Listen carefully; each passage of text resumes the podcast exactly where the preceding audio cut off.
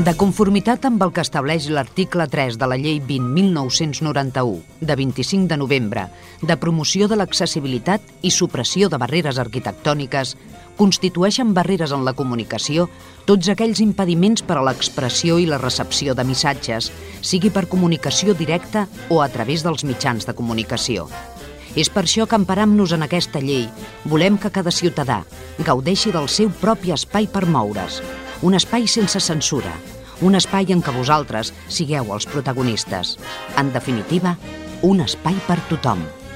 Benvinguts a Espai Vital. Senyores, senyors, què tal, com estan? Benvinguts, ben trobats un dia més a un programa més. Vostès ja el coneixen, és l'Espai Vital.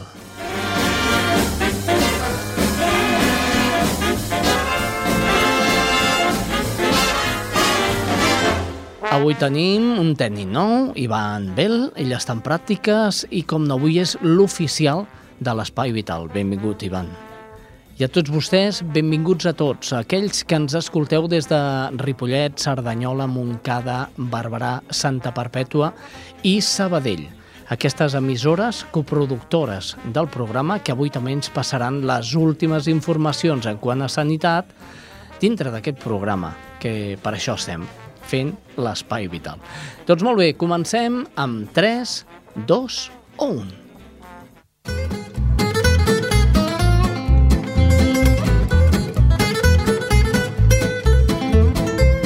Això és Espai Vital. I ara a l'Espai Vital el que volem fer és anar a escoltar a l'Espai Espassur. Em sembla que ho presentava la, la Maria amb uns nois molt macos que visiten la ràdio un cop cada cert temps. Doncs molt bé, eh, anem a escoltar l'Espai Espassur a l'Espai Vital. Bueno, buenas tardes, otra vez aquí en la radio, después, después de, de las vacaciones de Navidad, que precisamente el tema de hoy, ¿cuál es? ¡La Navidad! La Navidad, ¿no? Venimos a explicar pues cuál ha sido nuestra experiencia de Navidad, ¿vale? ¿Qué es lo que hemos hecho y todas estas cosas para que nuestros oyentes sepan que también en vacaciones disfrutamos lo nuestro, ¿no? Muy bien, empezamos con Monse, porque pre- cuando preparamos el programa, pues ella quería explicar un poquito qué, qué ha sido para ella este año la Navidad. Monse, ¿qué ha sido para ti la Navidad? La Monse se mí- coloca Para mí ha sido un poquito más triste, triste. ¿Por qué, Monse? porque me, me, me, me se muerto mi padre. Se le, se le ha muerto tu pa- su padre.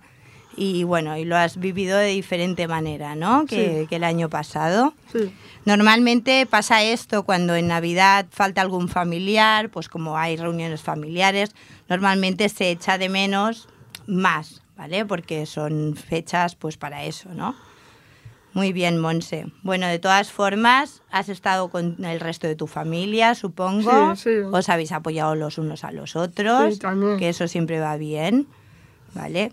Muy bien, a mí me gustaría, porque hay mucha gente que la Navidad o le gusta mucho o no le gusta nada. A mí me gustaría saber a quién le gusta la Navidad. Merino, pues, A mí me gusta la Navidad no, porque- no te acerques tanto al micro porque si no hay como rebote. Navidad porque veo con las luces, Mm. ¿vale? Iluminadas por la calle. Ajá. Sí, es bonito, ¿eh? eso de ver las luces, los villancicos y esas cosas, es bonito. ¿A quién más le gusta la Navidad? O a quien no le gusta, ¿eh? También puede ser. María José, A mí me gusta la, na- espérate, a mí me gusta la Navidad sí. porque se reúnen la familia y todo junto. Ujú, muy bien. Muy bien. ¿Y a quién más le gusta o no le gusta? Andreu, ¿tú te agrada el Nadal?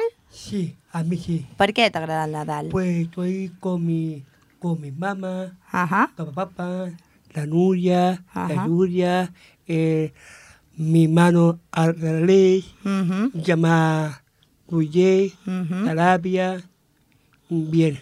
Molt bé, molt bé. Dani, que levantabas la mano.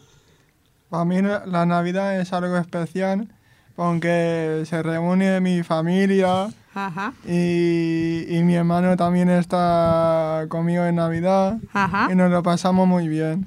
Muy bien. Todos eh, coincidís en que us gusta la Navidad. Núria, la Núria ha vingut avui de convidada perquè l'Alicia està amb la gastroenteritis aquesta de la panxa que ha tanta passa. I a tu t'agrada el Nadal, Núria? Apropa't al micro, si us plau.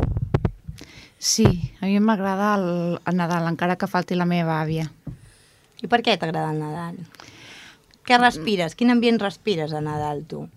Doncs perquè se celebren moltes coses, el dia de Sant Esteve, el dia de Nadal, el dia de Cap d'Any, Uh -huh. uh, mm, uh, què més?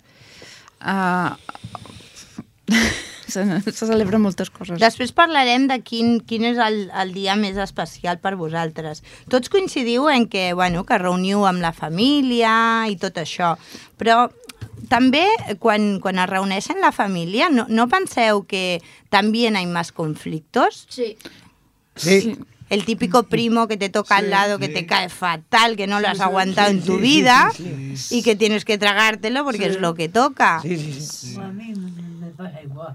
A ver, acércate el micro, Pilar. Que hoy la Pilar nos ha liado un poquillo, que no, no estaba en este grupo, pero ha querido venir y la hemos invitado también. me pasa igual.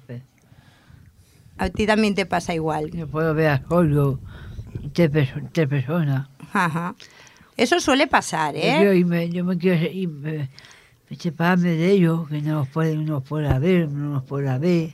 Claro, pero a veces la, la convivencia o estas reuniones familiares no nos queda otra, es aguantar ese primo y pensar, solo me queda una hora y ya no lo veo más hasta el año que viene, ¿no? Mm. Yo lo veo en todo lo igual. Lo veo. Muy bien. Eh, Castro, que te tengo a ti aquí muy callado. ¿Tú qué opinas de los conflictos familiares? ¿Tú cómo te ha ido la Navidad? Que no nos has dicho nada. Bien. ¿Sí? ¿Qué has hecho? ¿Qué has hecho en Navidad, Castro? En la ya. En la Yar. ¿Y has hecho alguna cena especial, alguna comida especial? La de, la de no, la de noche, la de noche buena y noche vieja. Ah, muy bien, muy bien. También hay una cosa en estas épocas de Navidad, que es que hay muchos excesos, ¿verdad? Excesos. Pues que comemos mucho. mucho, que bebemos mucho, ¿vale? Y que eso eh, provoca pues accidentes de tráfico, por ejemplo, Colesterol. colesterol, ¿vale? Luego, La- después de Navidad empiezo la dieta, ¿no? Lo típico, ¿no? El control de la co- la alcoholemia. Sí, sí. de- del aparato. El control del aparato, que es el control de alcoholemia, que dan positivos casi todos, Sí. ¿no? Y algunas veces dan negativo. A veces cuando no beben, Aunque por no supuesto, dan negativos. ¿Alguien ha bebido más de la cuenta aquí en Navidad? A ver, pongamos la carta sobre la mesa. Uy, muchas manos veo, veo, veo, veo aquí, Yo una, ¿eh? cerveza, yo una cerveza sin alcohol. Ah, sin alcohol. Entonces no se puede decir que Yo bebes. sin alcohol, yo sin alcohol. Ah, sin alcohol no. Eh, Coca-Cola. Coca-Cola tampoco tiene alcohol, ¿eh? A mí me han dicho que es muy mala, ¿eh? Por eso. Sin cafeína, Coca-Cola. Con cafeína. Tú el café y la cafeína os lleváis muy bien, ¿eh? De cafeína. Me gusta todo con cafeína. Ahí, todo, El todo. café, la Coca-Cola A más cafeína, mejor. la cerveza me, me gusta también con alcohol. Con alcohol. Podría. Estás oyendo a la Carmen, ¿no? Que así te vas a pudrir tanta cafeína, tanta cafeína. Yeah. No va a durar ni, ni, ni, ni, vamos. Claro, hay que cuidarse, mujer. Andreu. Mira, yo estoy ya en mi casa Sí, y estoy ya con mi, con mi mamá. sí. Había una co- coca, a ver, Coca-Cola Sí. cafeína. Ajá. Y después y una comida, está buena. Muy bien. Bueno, pero entonces aquí somos todos sanos. ¿eh? Yo Sí, tampoco he bebido en a mí Navidad. sí. Porque no me Muy bien, gusta. muy bien. ¿Y el champán? El champán, ¿habéis bebido champán? Yo, ¿Pero yo con cuando- alcohol o sin alcohol? Yo con alcohol, el rosado ese. Uy, madre mía. Pero mi tía me echó, dos mi tía me echó Yo cuatro vasos de alcohol. Hablamos uno a uno porque si no, no nos enteramos. Mi tía a mí me echó cuatro copas de esas grandes de los costes, me echó cuatro. Madre Con mía. Dani, Hay una bebida que tendrá un, un chupinazo y no sé cuál es.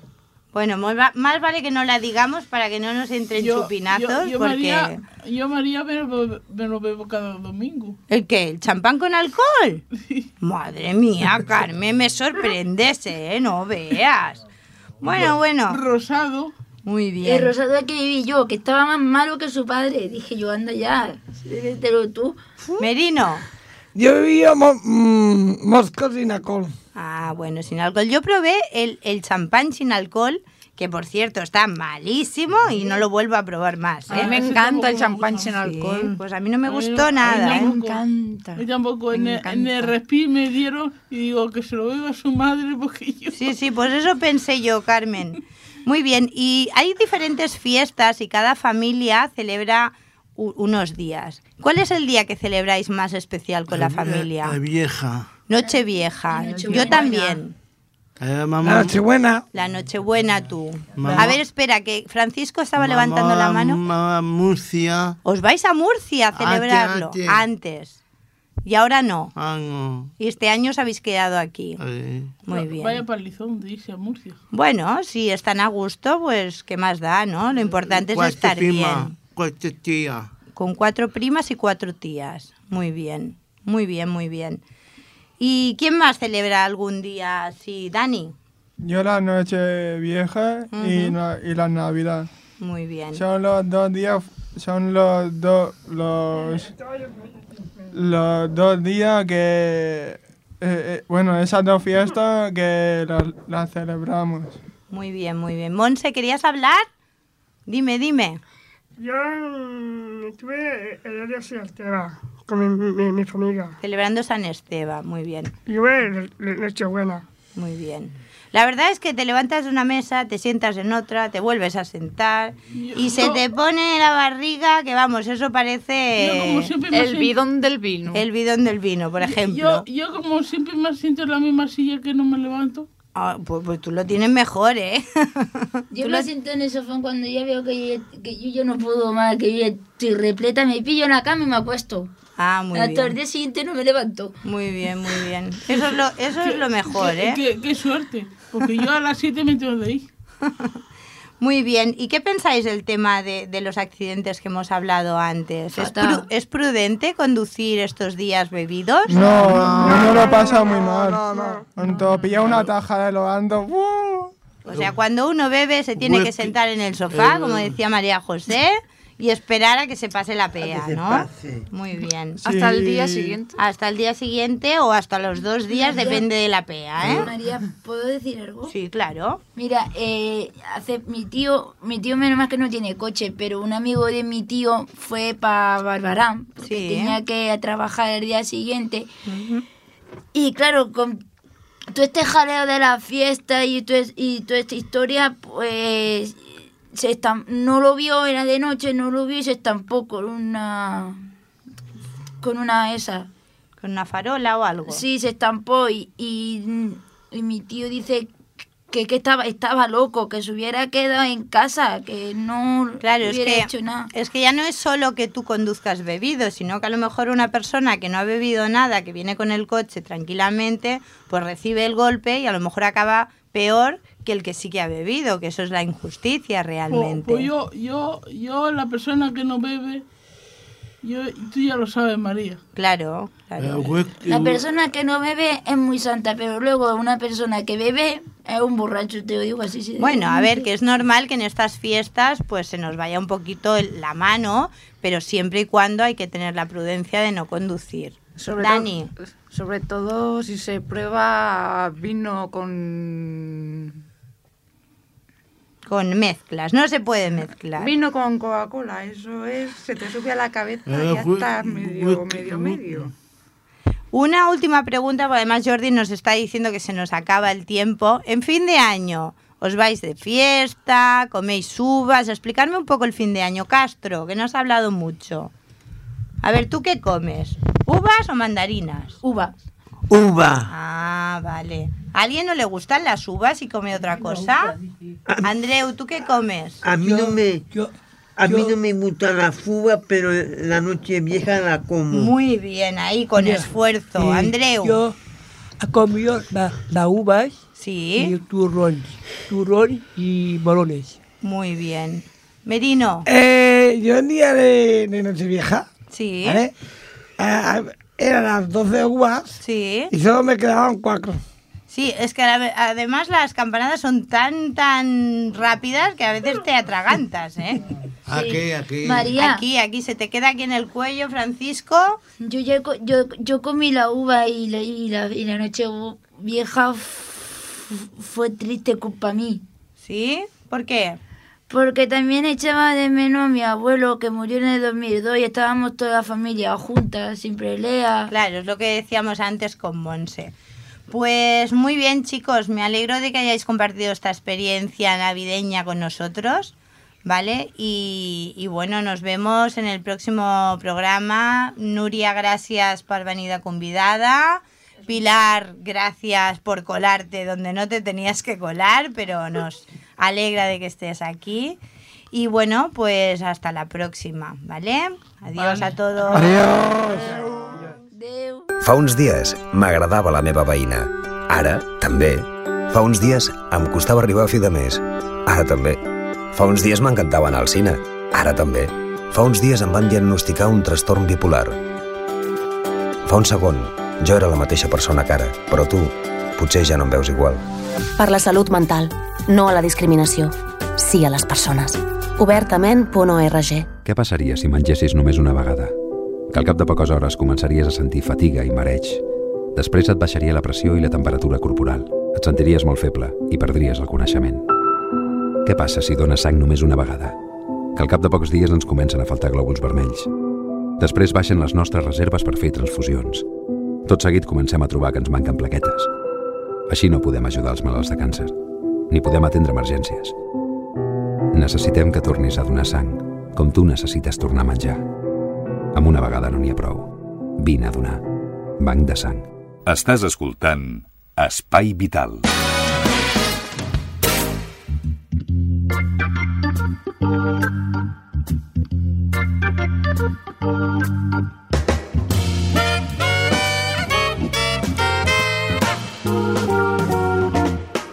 proteïna permet detectar la recaiguda d'una greu malaltia després d'un trasplantament de ronyó. Això és un, un tema molt complicat, però que ho volem fer el més planer possible. Eh, I per parlar d'aquest tema ens acompanya via telefònica eh, la doctora Carme Cantarell, que és del Servei de Nefrologia de l'Hospital Universitari Vall d'Hebron, eh, un estudi dirigit pel doctor Daniel Serón, eh, que podria ser que estigués també amb nosaltres durant aquesta entrevista. Doctora Carbon Cantarell, bon dia. Hola, bon dia. Eh, no m'equivoco, no? Amb el doctor Serón, No, no, no. amb, amb el que he dit. eh... amb el que he dit, bueno, eh, jo sóc membre del Servei de Nefrologia, en el que el director és el doctor Serón, Mhm. però aquest estudi que hem fet és un estudi en col·laboració amb tots els centres espanyols de trasplantament i amb l'Institut de Recerca de l'Hospital de Vall d'Hebron, dirigit per la doctora Massaguer i que porta aquest estudi concretament el doctor López Ellín. Com, com heu trobat aquesta proteïna? Bé, aquesta proteïna fa molts anys que l'estem buscant. Bueno, no, no sabíem que era una proteïna. Buscàvem alguna cosa que ens permetés veure per què uns malalts que, desgraciadament, són, es tracta de gent jove i nens, que tenen una malaltia al ronyó i que a poc a poc va evolucionant a la insuficiència renal. Quan arribem en aquesta situació, aquests malalts només tenen dues opcions, que és o la diàlisi o el trasplantament. Amb la il·lusió del trasplantament, doncs, eh, nosaltres trasplantem a aquesta gent, però alguns d'ells, al cap de molt poc temps, tornen a presentar la malaltia que els havia conduït a la insuficiència renal.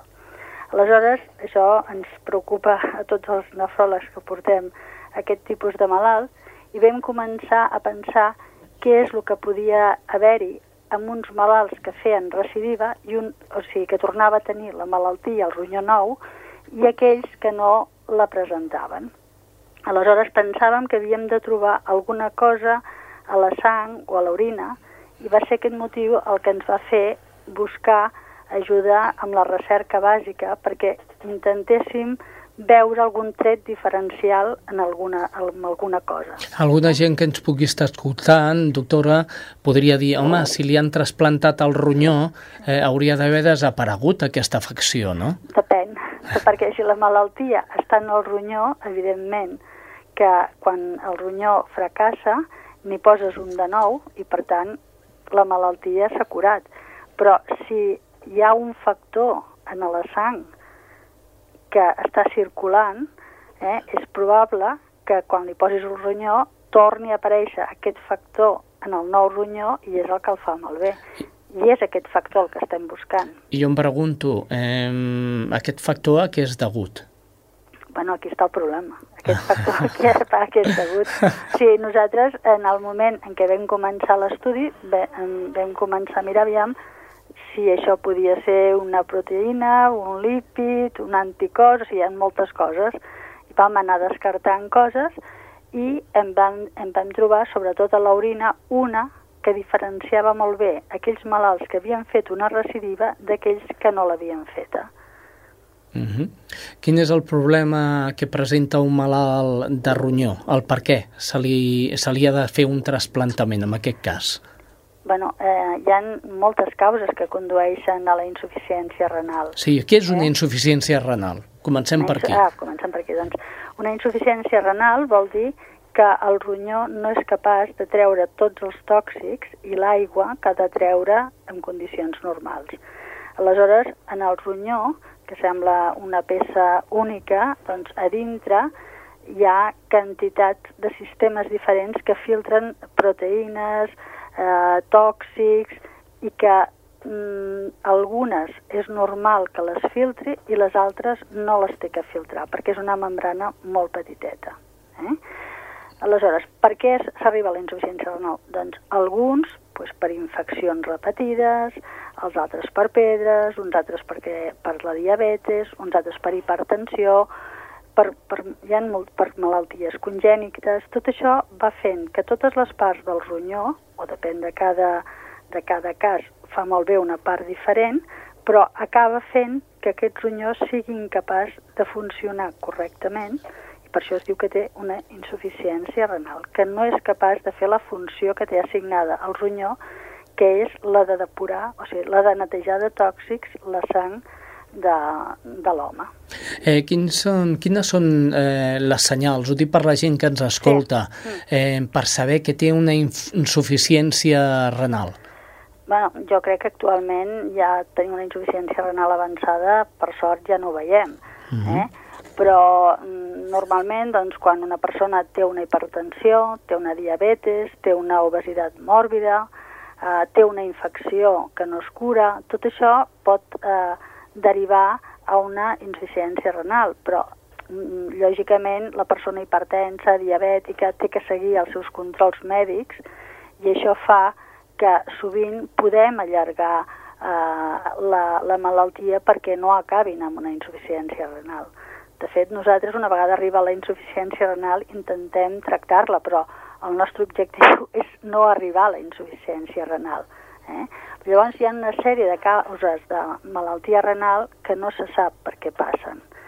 I entre aquestes doncs, està aquest tipus de, de malaltia que nosaltres hem estudiat, que hi ha un grup que sí que sabem que és de tipus genètic, eh? i que el que vostè deia, quan li canviem el ronyó, com que la malaltia està en el ronyó, aquell ronyó deixa de funcionar, ni posem un de nou, ja no torna a tenir la malaltia però hi ha altres en què en la sang circulen partícules, ja siguin partícules d'immunoglobulines, de gèrmens, de tòxics, de lo que sigui, que com està en l'individu, quan torna a passar la sang pel ronyó, pot tornar a aparèixer la malaltia. Molt bé, una malaltia que, eh, si em permeten, jo intentaré llegir-la.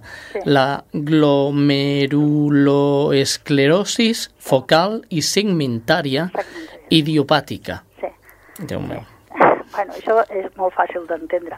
Vull dir, és eh, una glomeruloesclerosis, vol dir una part del ronyó, eh, on realment es filtra la sang, es diu glomèrul. Eh? Mm -hmm. Esclerosis vol dir que, degut a la inflamació o al dipòsit de substàncies, s'ha esclerosat, glomeruloesclerosis. esclerosat vol dir que s'ha cicatritzat. Ah. Segmentària vol dir que afecta alguns glomèruls de més de, de més d'un milió que tenim a cada ronyó. I segmentària vol dir que afecta una part d'aquests glomèruls. I jo entenc que per culpa de- d'aquesta mm, glomeroesclerosis eh, i de les cicatrius que es creen al ronyó, aquí potser vindria el problema, no? Jo, no, eh, quan tens una cicatriu, el problema ja ha passat. Ah, Eh? O sigui, primer probablement hi ha una inflamació i la resposta a qualsevol inflamació és una cicatriu. I aquesta cicatriu és la que va minvant eh, la capacitat del ronyó de funcionar. diguem que no permet filtrar. Exactament. Sí.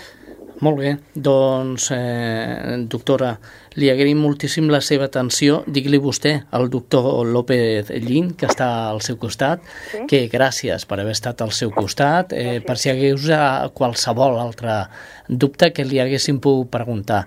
Moltíssimes gràcies, doctora Cantarell, i l'animem a seguir endavant, que això sempre és important, que els Doncs- metges us impliqueu així.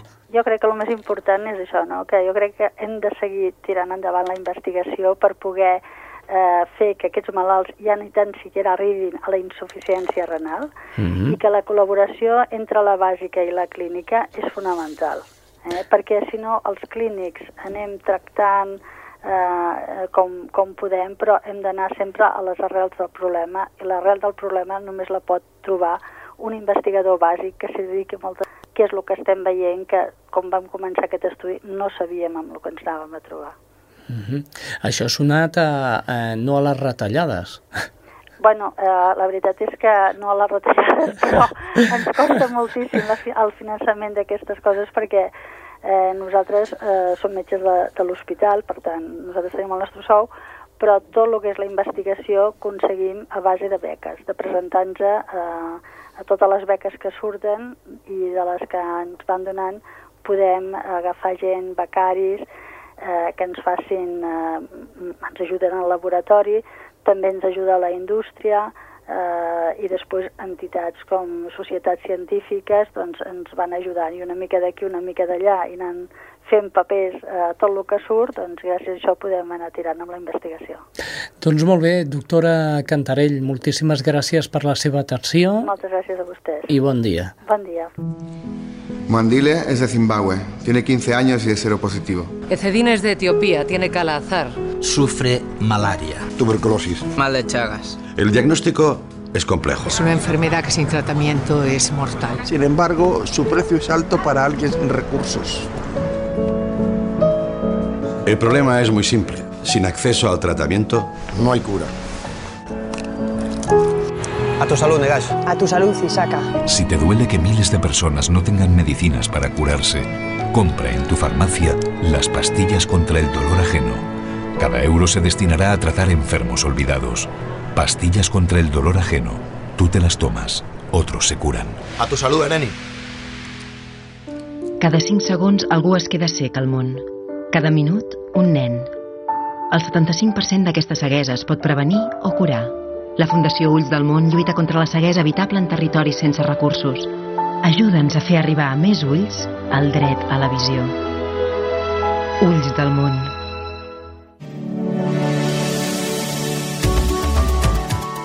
Bueno, ja veieu, ja sona la sintonia de corresponsals eh, per conèixer les últimes novetats en quant a sanitat de les diferents poblacions i emissores que coprodueixen l'espai vital.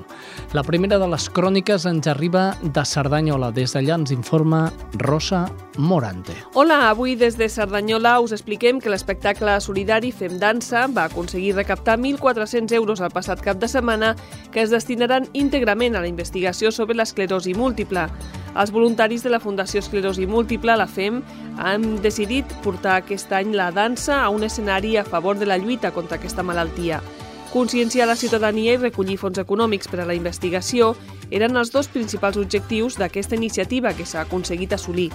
El coordinador de voluntaris de la FEM a Cerdanyola i principal organitzador del FEM Dansa, Xavier Casas, Té paraules d'agraïment per al públic assistent, però també per a totes les companyies que van pujar a l'escenari de forma totalment gratuïta i també a l'Ajuntament per cedir al Teatre Ateneu per fer possible aquest acte solidari. L'espectacle comptava amb les actuacions de Víctor Rodrigo, grup de dansa, Ana Agustí i companyia, Psicoart, Prudents i Irene Ruiz Riveros, a més de la col·laboració de l'Aula de Teatre de l'Ateneu. Els voluntaris de la Fundació Esclerosi Múltiple treballen ja en properes campanyes i iniciatives solidàries. I de moment això és tot. Fins la setmana vinent. Gràcies, Rosa Morante. Des de Cerdanyola Ràdio ens n'anem ràpidament cap a Ripollet. Des d'allà ens informa Reme Herrera. Salutacions, Xavi, des de Ripollet Ràdio. Aquesta setmana, Caritas Ripollet ens ha informat del resultat de la campanya de recollida d'aliments aquest Nadal, on han recollit un total de 1.967 quilograms d'aliments a través de Protecció Civil, Ripollet Ràdio, així com algunes escoles, instituts i associacions de veïns que tradicionalment ja recollien aliments per l'ONG. L'organització ha valorat molt positivament la resposta ciutadana que ha permès omplir el rebost i distribuir aliments entre les famílies que més ho necessiten al poble. Durant l'any es reparteixen quinzenalment aliments a 250 famílies de Ripollet amb dificultats econòmiques. La campanya demanava aliments envasats de llarga caducitat, com ara oli, arròs, pasta, cereals o llaunes de conserva de peix. I això és tot per avui, fins la setmana vinent. Gràcies, Rem Herrera. I de Ripollet ens n'anem cap a Barberà. Des d'allà ens informa Judit González. Salutacions de Ràdio Barberà. El passat dimarts 29 de gener a l'Ateneu de Barberà va tenir lloc la xerrada debat al negoci de la sanitat. L'espai autogestionat barberenc va tornar-se a omplir de veïns i veïnes de Barberà que van assistir a l'acte organitzat i impulsat per l'Esquerra Alternativa per Barberà en col·laboració amb Revolta Global Esquerra Anticapitalista. Sota el lema El negoci de la sanitat, les persones convidades van explicar quin és aquest negoci i com la situació de crisi actual suposa el desmantellament de la sanitat pública i un canvi de model que redueix els serveis públics i els drets socials. Després de donar a conèixer quina és la situació de l'atenció sanitària pública al Vallès Occidental, l'Imma Prat, representant de la Plataforma en Defensa de la Sanitat Pública Cerdanyola-Ripollet, va posar en antecedents les lluites que s'han dut a terme des de la plataforma i quines són les accions de futur de l'entitat a la nostra comarca. Fins la setmana vinent. Gràcies, Judit. Des de Barberà ens n'anem corrent, corrent cap a Montcada que allà ens espera Pilar Aviat. Salutacions, Xavi, a tu i a tota l'audiència de l'Espai Vital. Avui des de Montcada us parlem del Pla d'Envelliment Actiu, un document que s'acaba d'aprovar i que contemplarà les diferents actuacions que ja es fan a la ciutat adreçades a la gent gran. Inclourà també noves propostes per donar resposta a les situacions que viuen les persones majors de 60 anys que representen més d'un 18% de la població de Montcada i Reixac.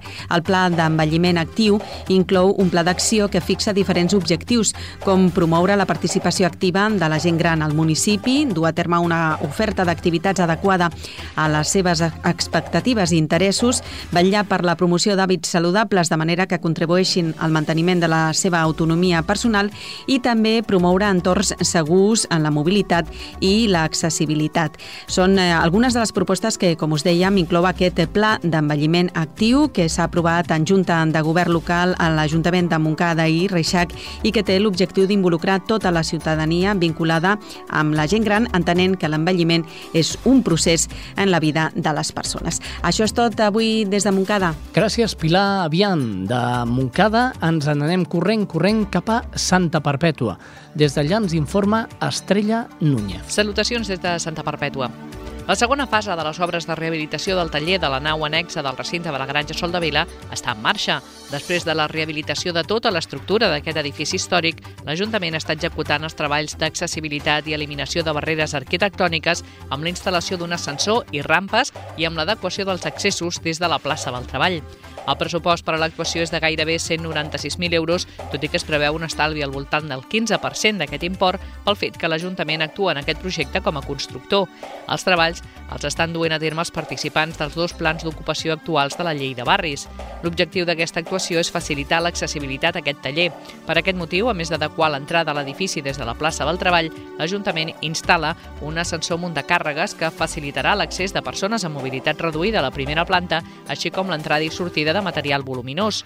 La nau acollirà el centre de recursos al manteniment de vehicles elèctrics, CREVE, i consta d'una planta baixa amb dues aules de 90 metres quadrats, un magatzem de 30 metres quadrats i serveis i d'una primera planta amb 200 metres quadrats de superfície útil de taller. La nau acollirà cursos de formació i les barreres arquitectòniques no seran impediment per a persones amb problemes de mobilitat. Això és tot, fins la setmana vinent. Gràcies a Estrella Núñez i per últim ja anem amb Sabadell. Des de Sabadell ens informa Karen Madrid. Salutacions des de Sabadell. Un estudi coordinat pel Taulí posa de manifest que cal canviar el model d'assistència que es dona a les persones amb problemes de salut mental derivats de la crisi econòmica.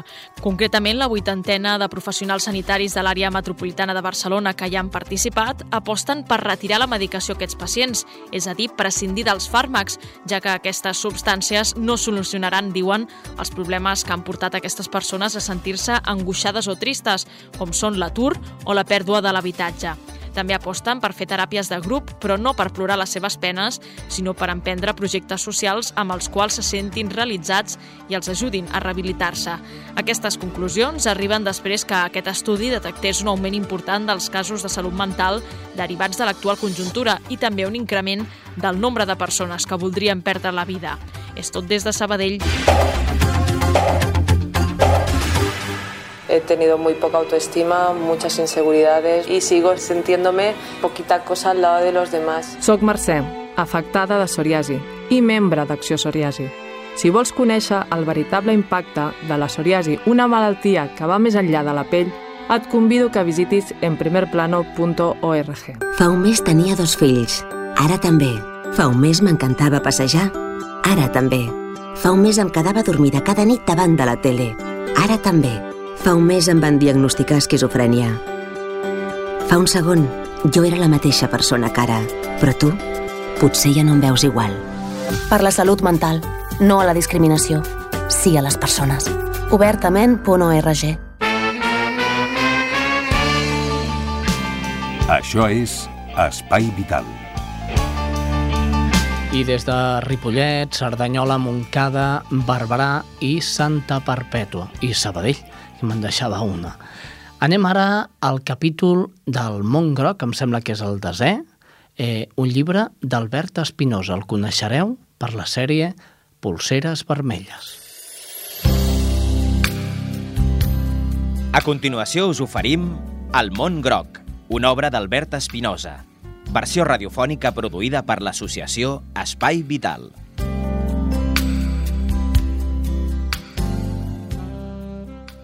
Vuitè descobriment. El que més amagues és el que mostra més de tu. Tots som especials.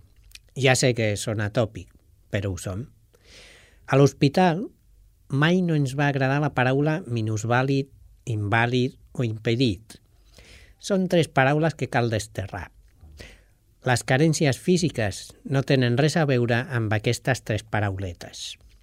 Al cap dels anys he treballat amb discapacitats mentals i m'he adonat que aquestes dues paraules, discapacitats mentals, també s'han de desterrar. Aquesta mena de persones són les més especials de totes, les que em fan sentir més respecte. Són sensibles i innocents, i ho dic en el sentit més ric de la paraula. Són especials. A mi em falta una cama i un pulmó, encara que jo sempre he tingut la sensació de tenir un munyó i un sol pulmó. Tenir o faltar, tot depèn de com es miri. Jo, a la meva manera, sóc especial. M'agrada pensar que m'han marcat de certa manera i això em fa sentir diferent. Però no són només les carències físiques o psíquiques les que et fan ser especial. Com he dit abans, tots som especials. Només cal potenciar allò que fa especial. Hi havia un celador a l'hospital que ens deia digueu-me el vostre secret i us diré per què sou tan especials. Ell, mentre érem a la recuperació, ens parlava de la gent especial i dels secrets que tots guardem. Opinava que els secrets són necessaris en aquesta vida. Són tresors privats que només estan a l'abast de, de tu mateix. Com que ningú no els coneix, no tenen clau i ens marquen interiorment perquè no els compartim. Però sobretot ens parlava de la importància de mostrar els nostres secrets.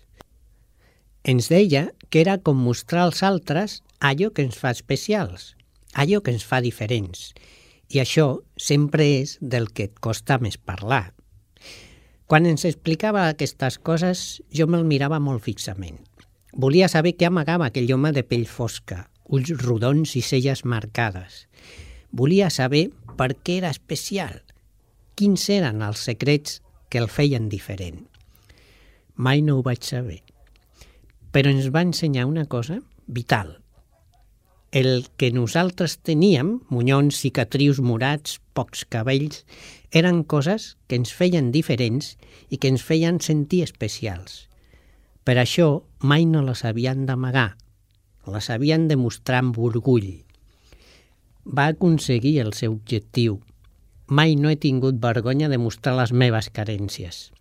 I a més, va aconseguir que tractéssim els secrets, les coses que ens costa més de compartir, com a proves per mostrar la nostra diferència. Quan vaig deixar l'hospital no vaig oblidar aquestes lliçons.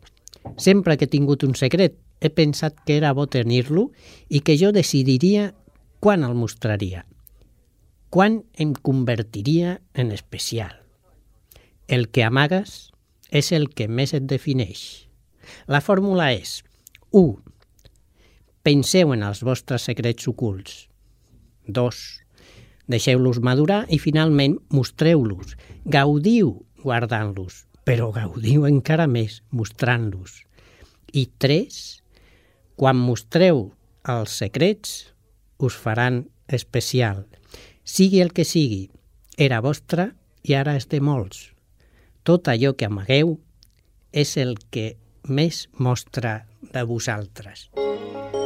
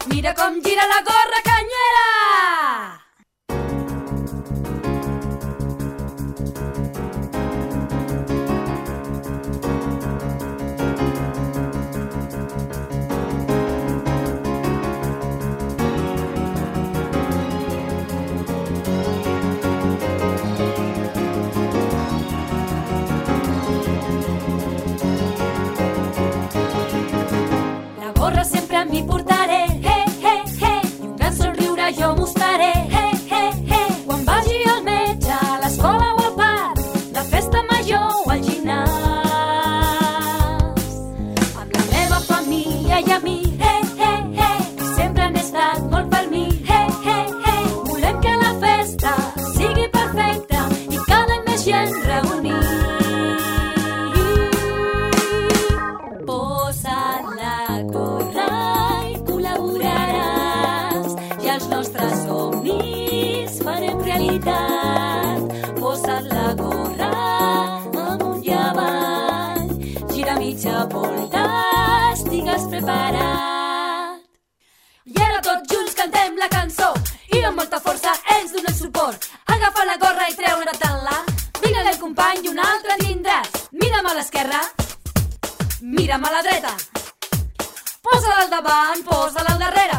Mira com gira la gorra canyera. Mira'm a l'esquerra, mira'm a la dreta.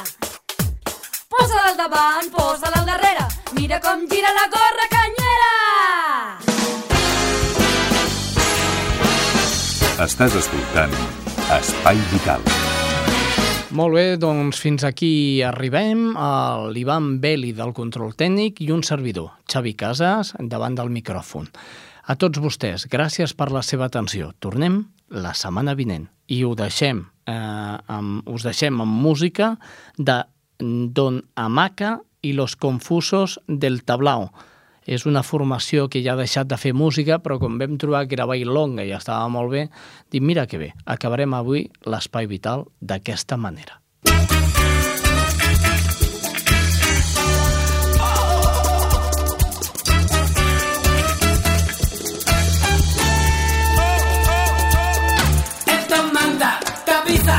Las calles de mi ciudad. Hay colapso migratorio buscando una habitación. Barcelona en llamaradas, ocupados con el forum, la invasión del puente Grúa, devorando el litoral. Barcelona en llamaradas, ocupados con el forum, la invasión del puente Grúa, devorando el litoral.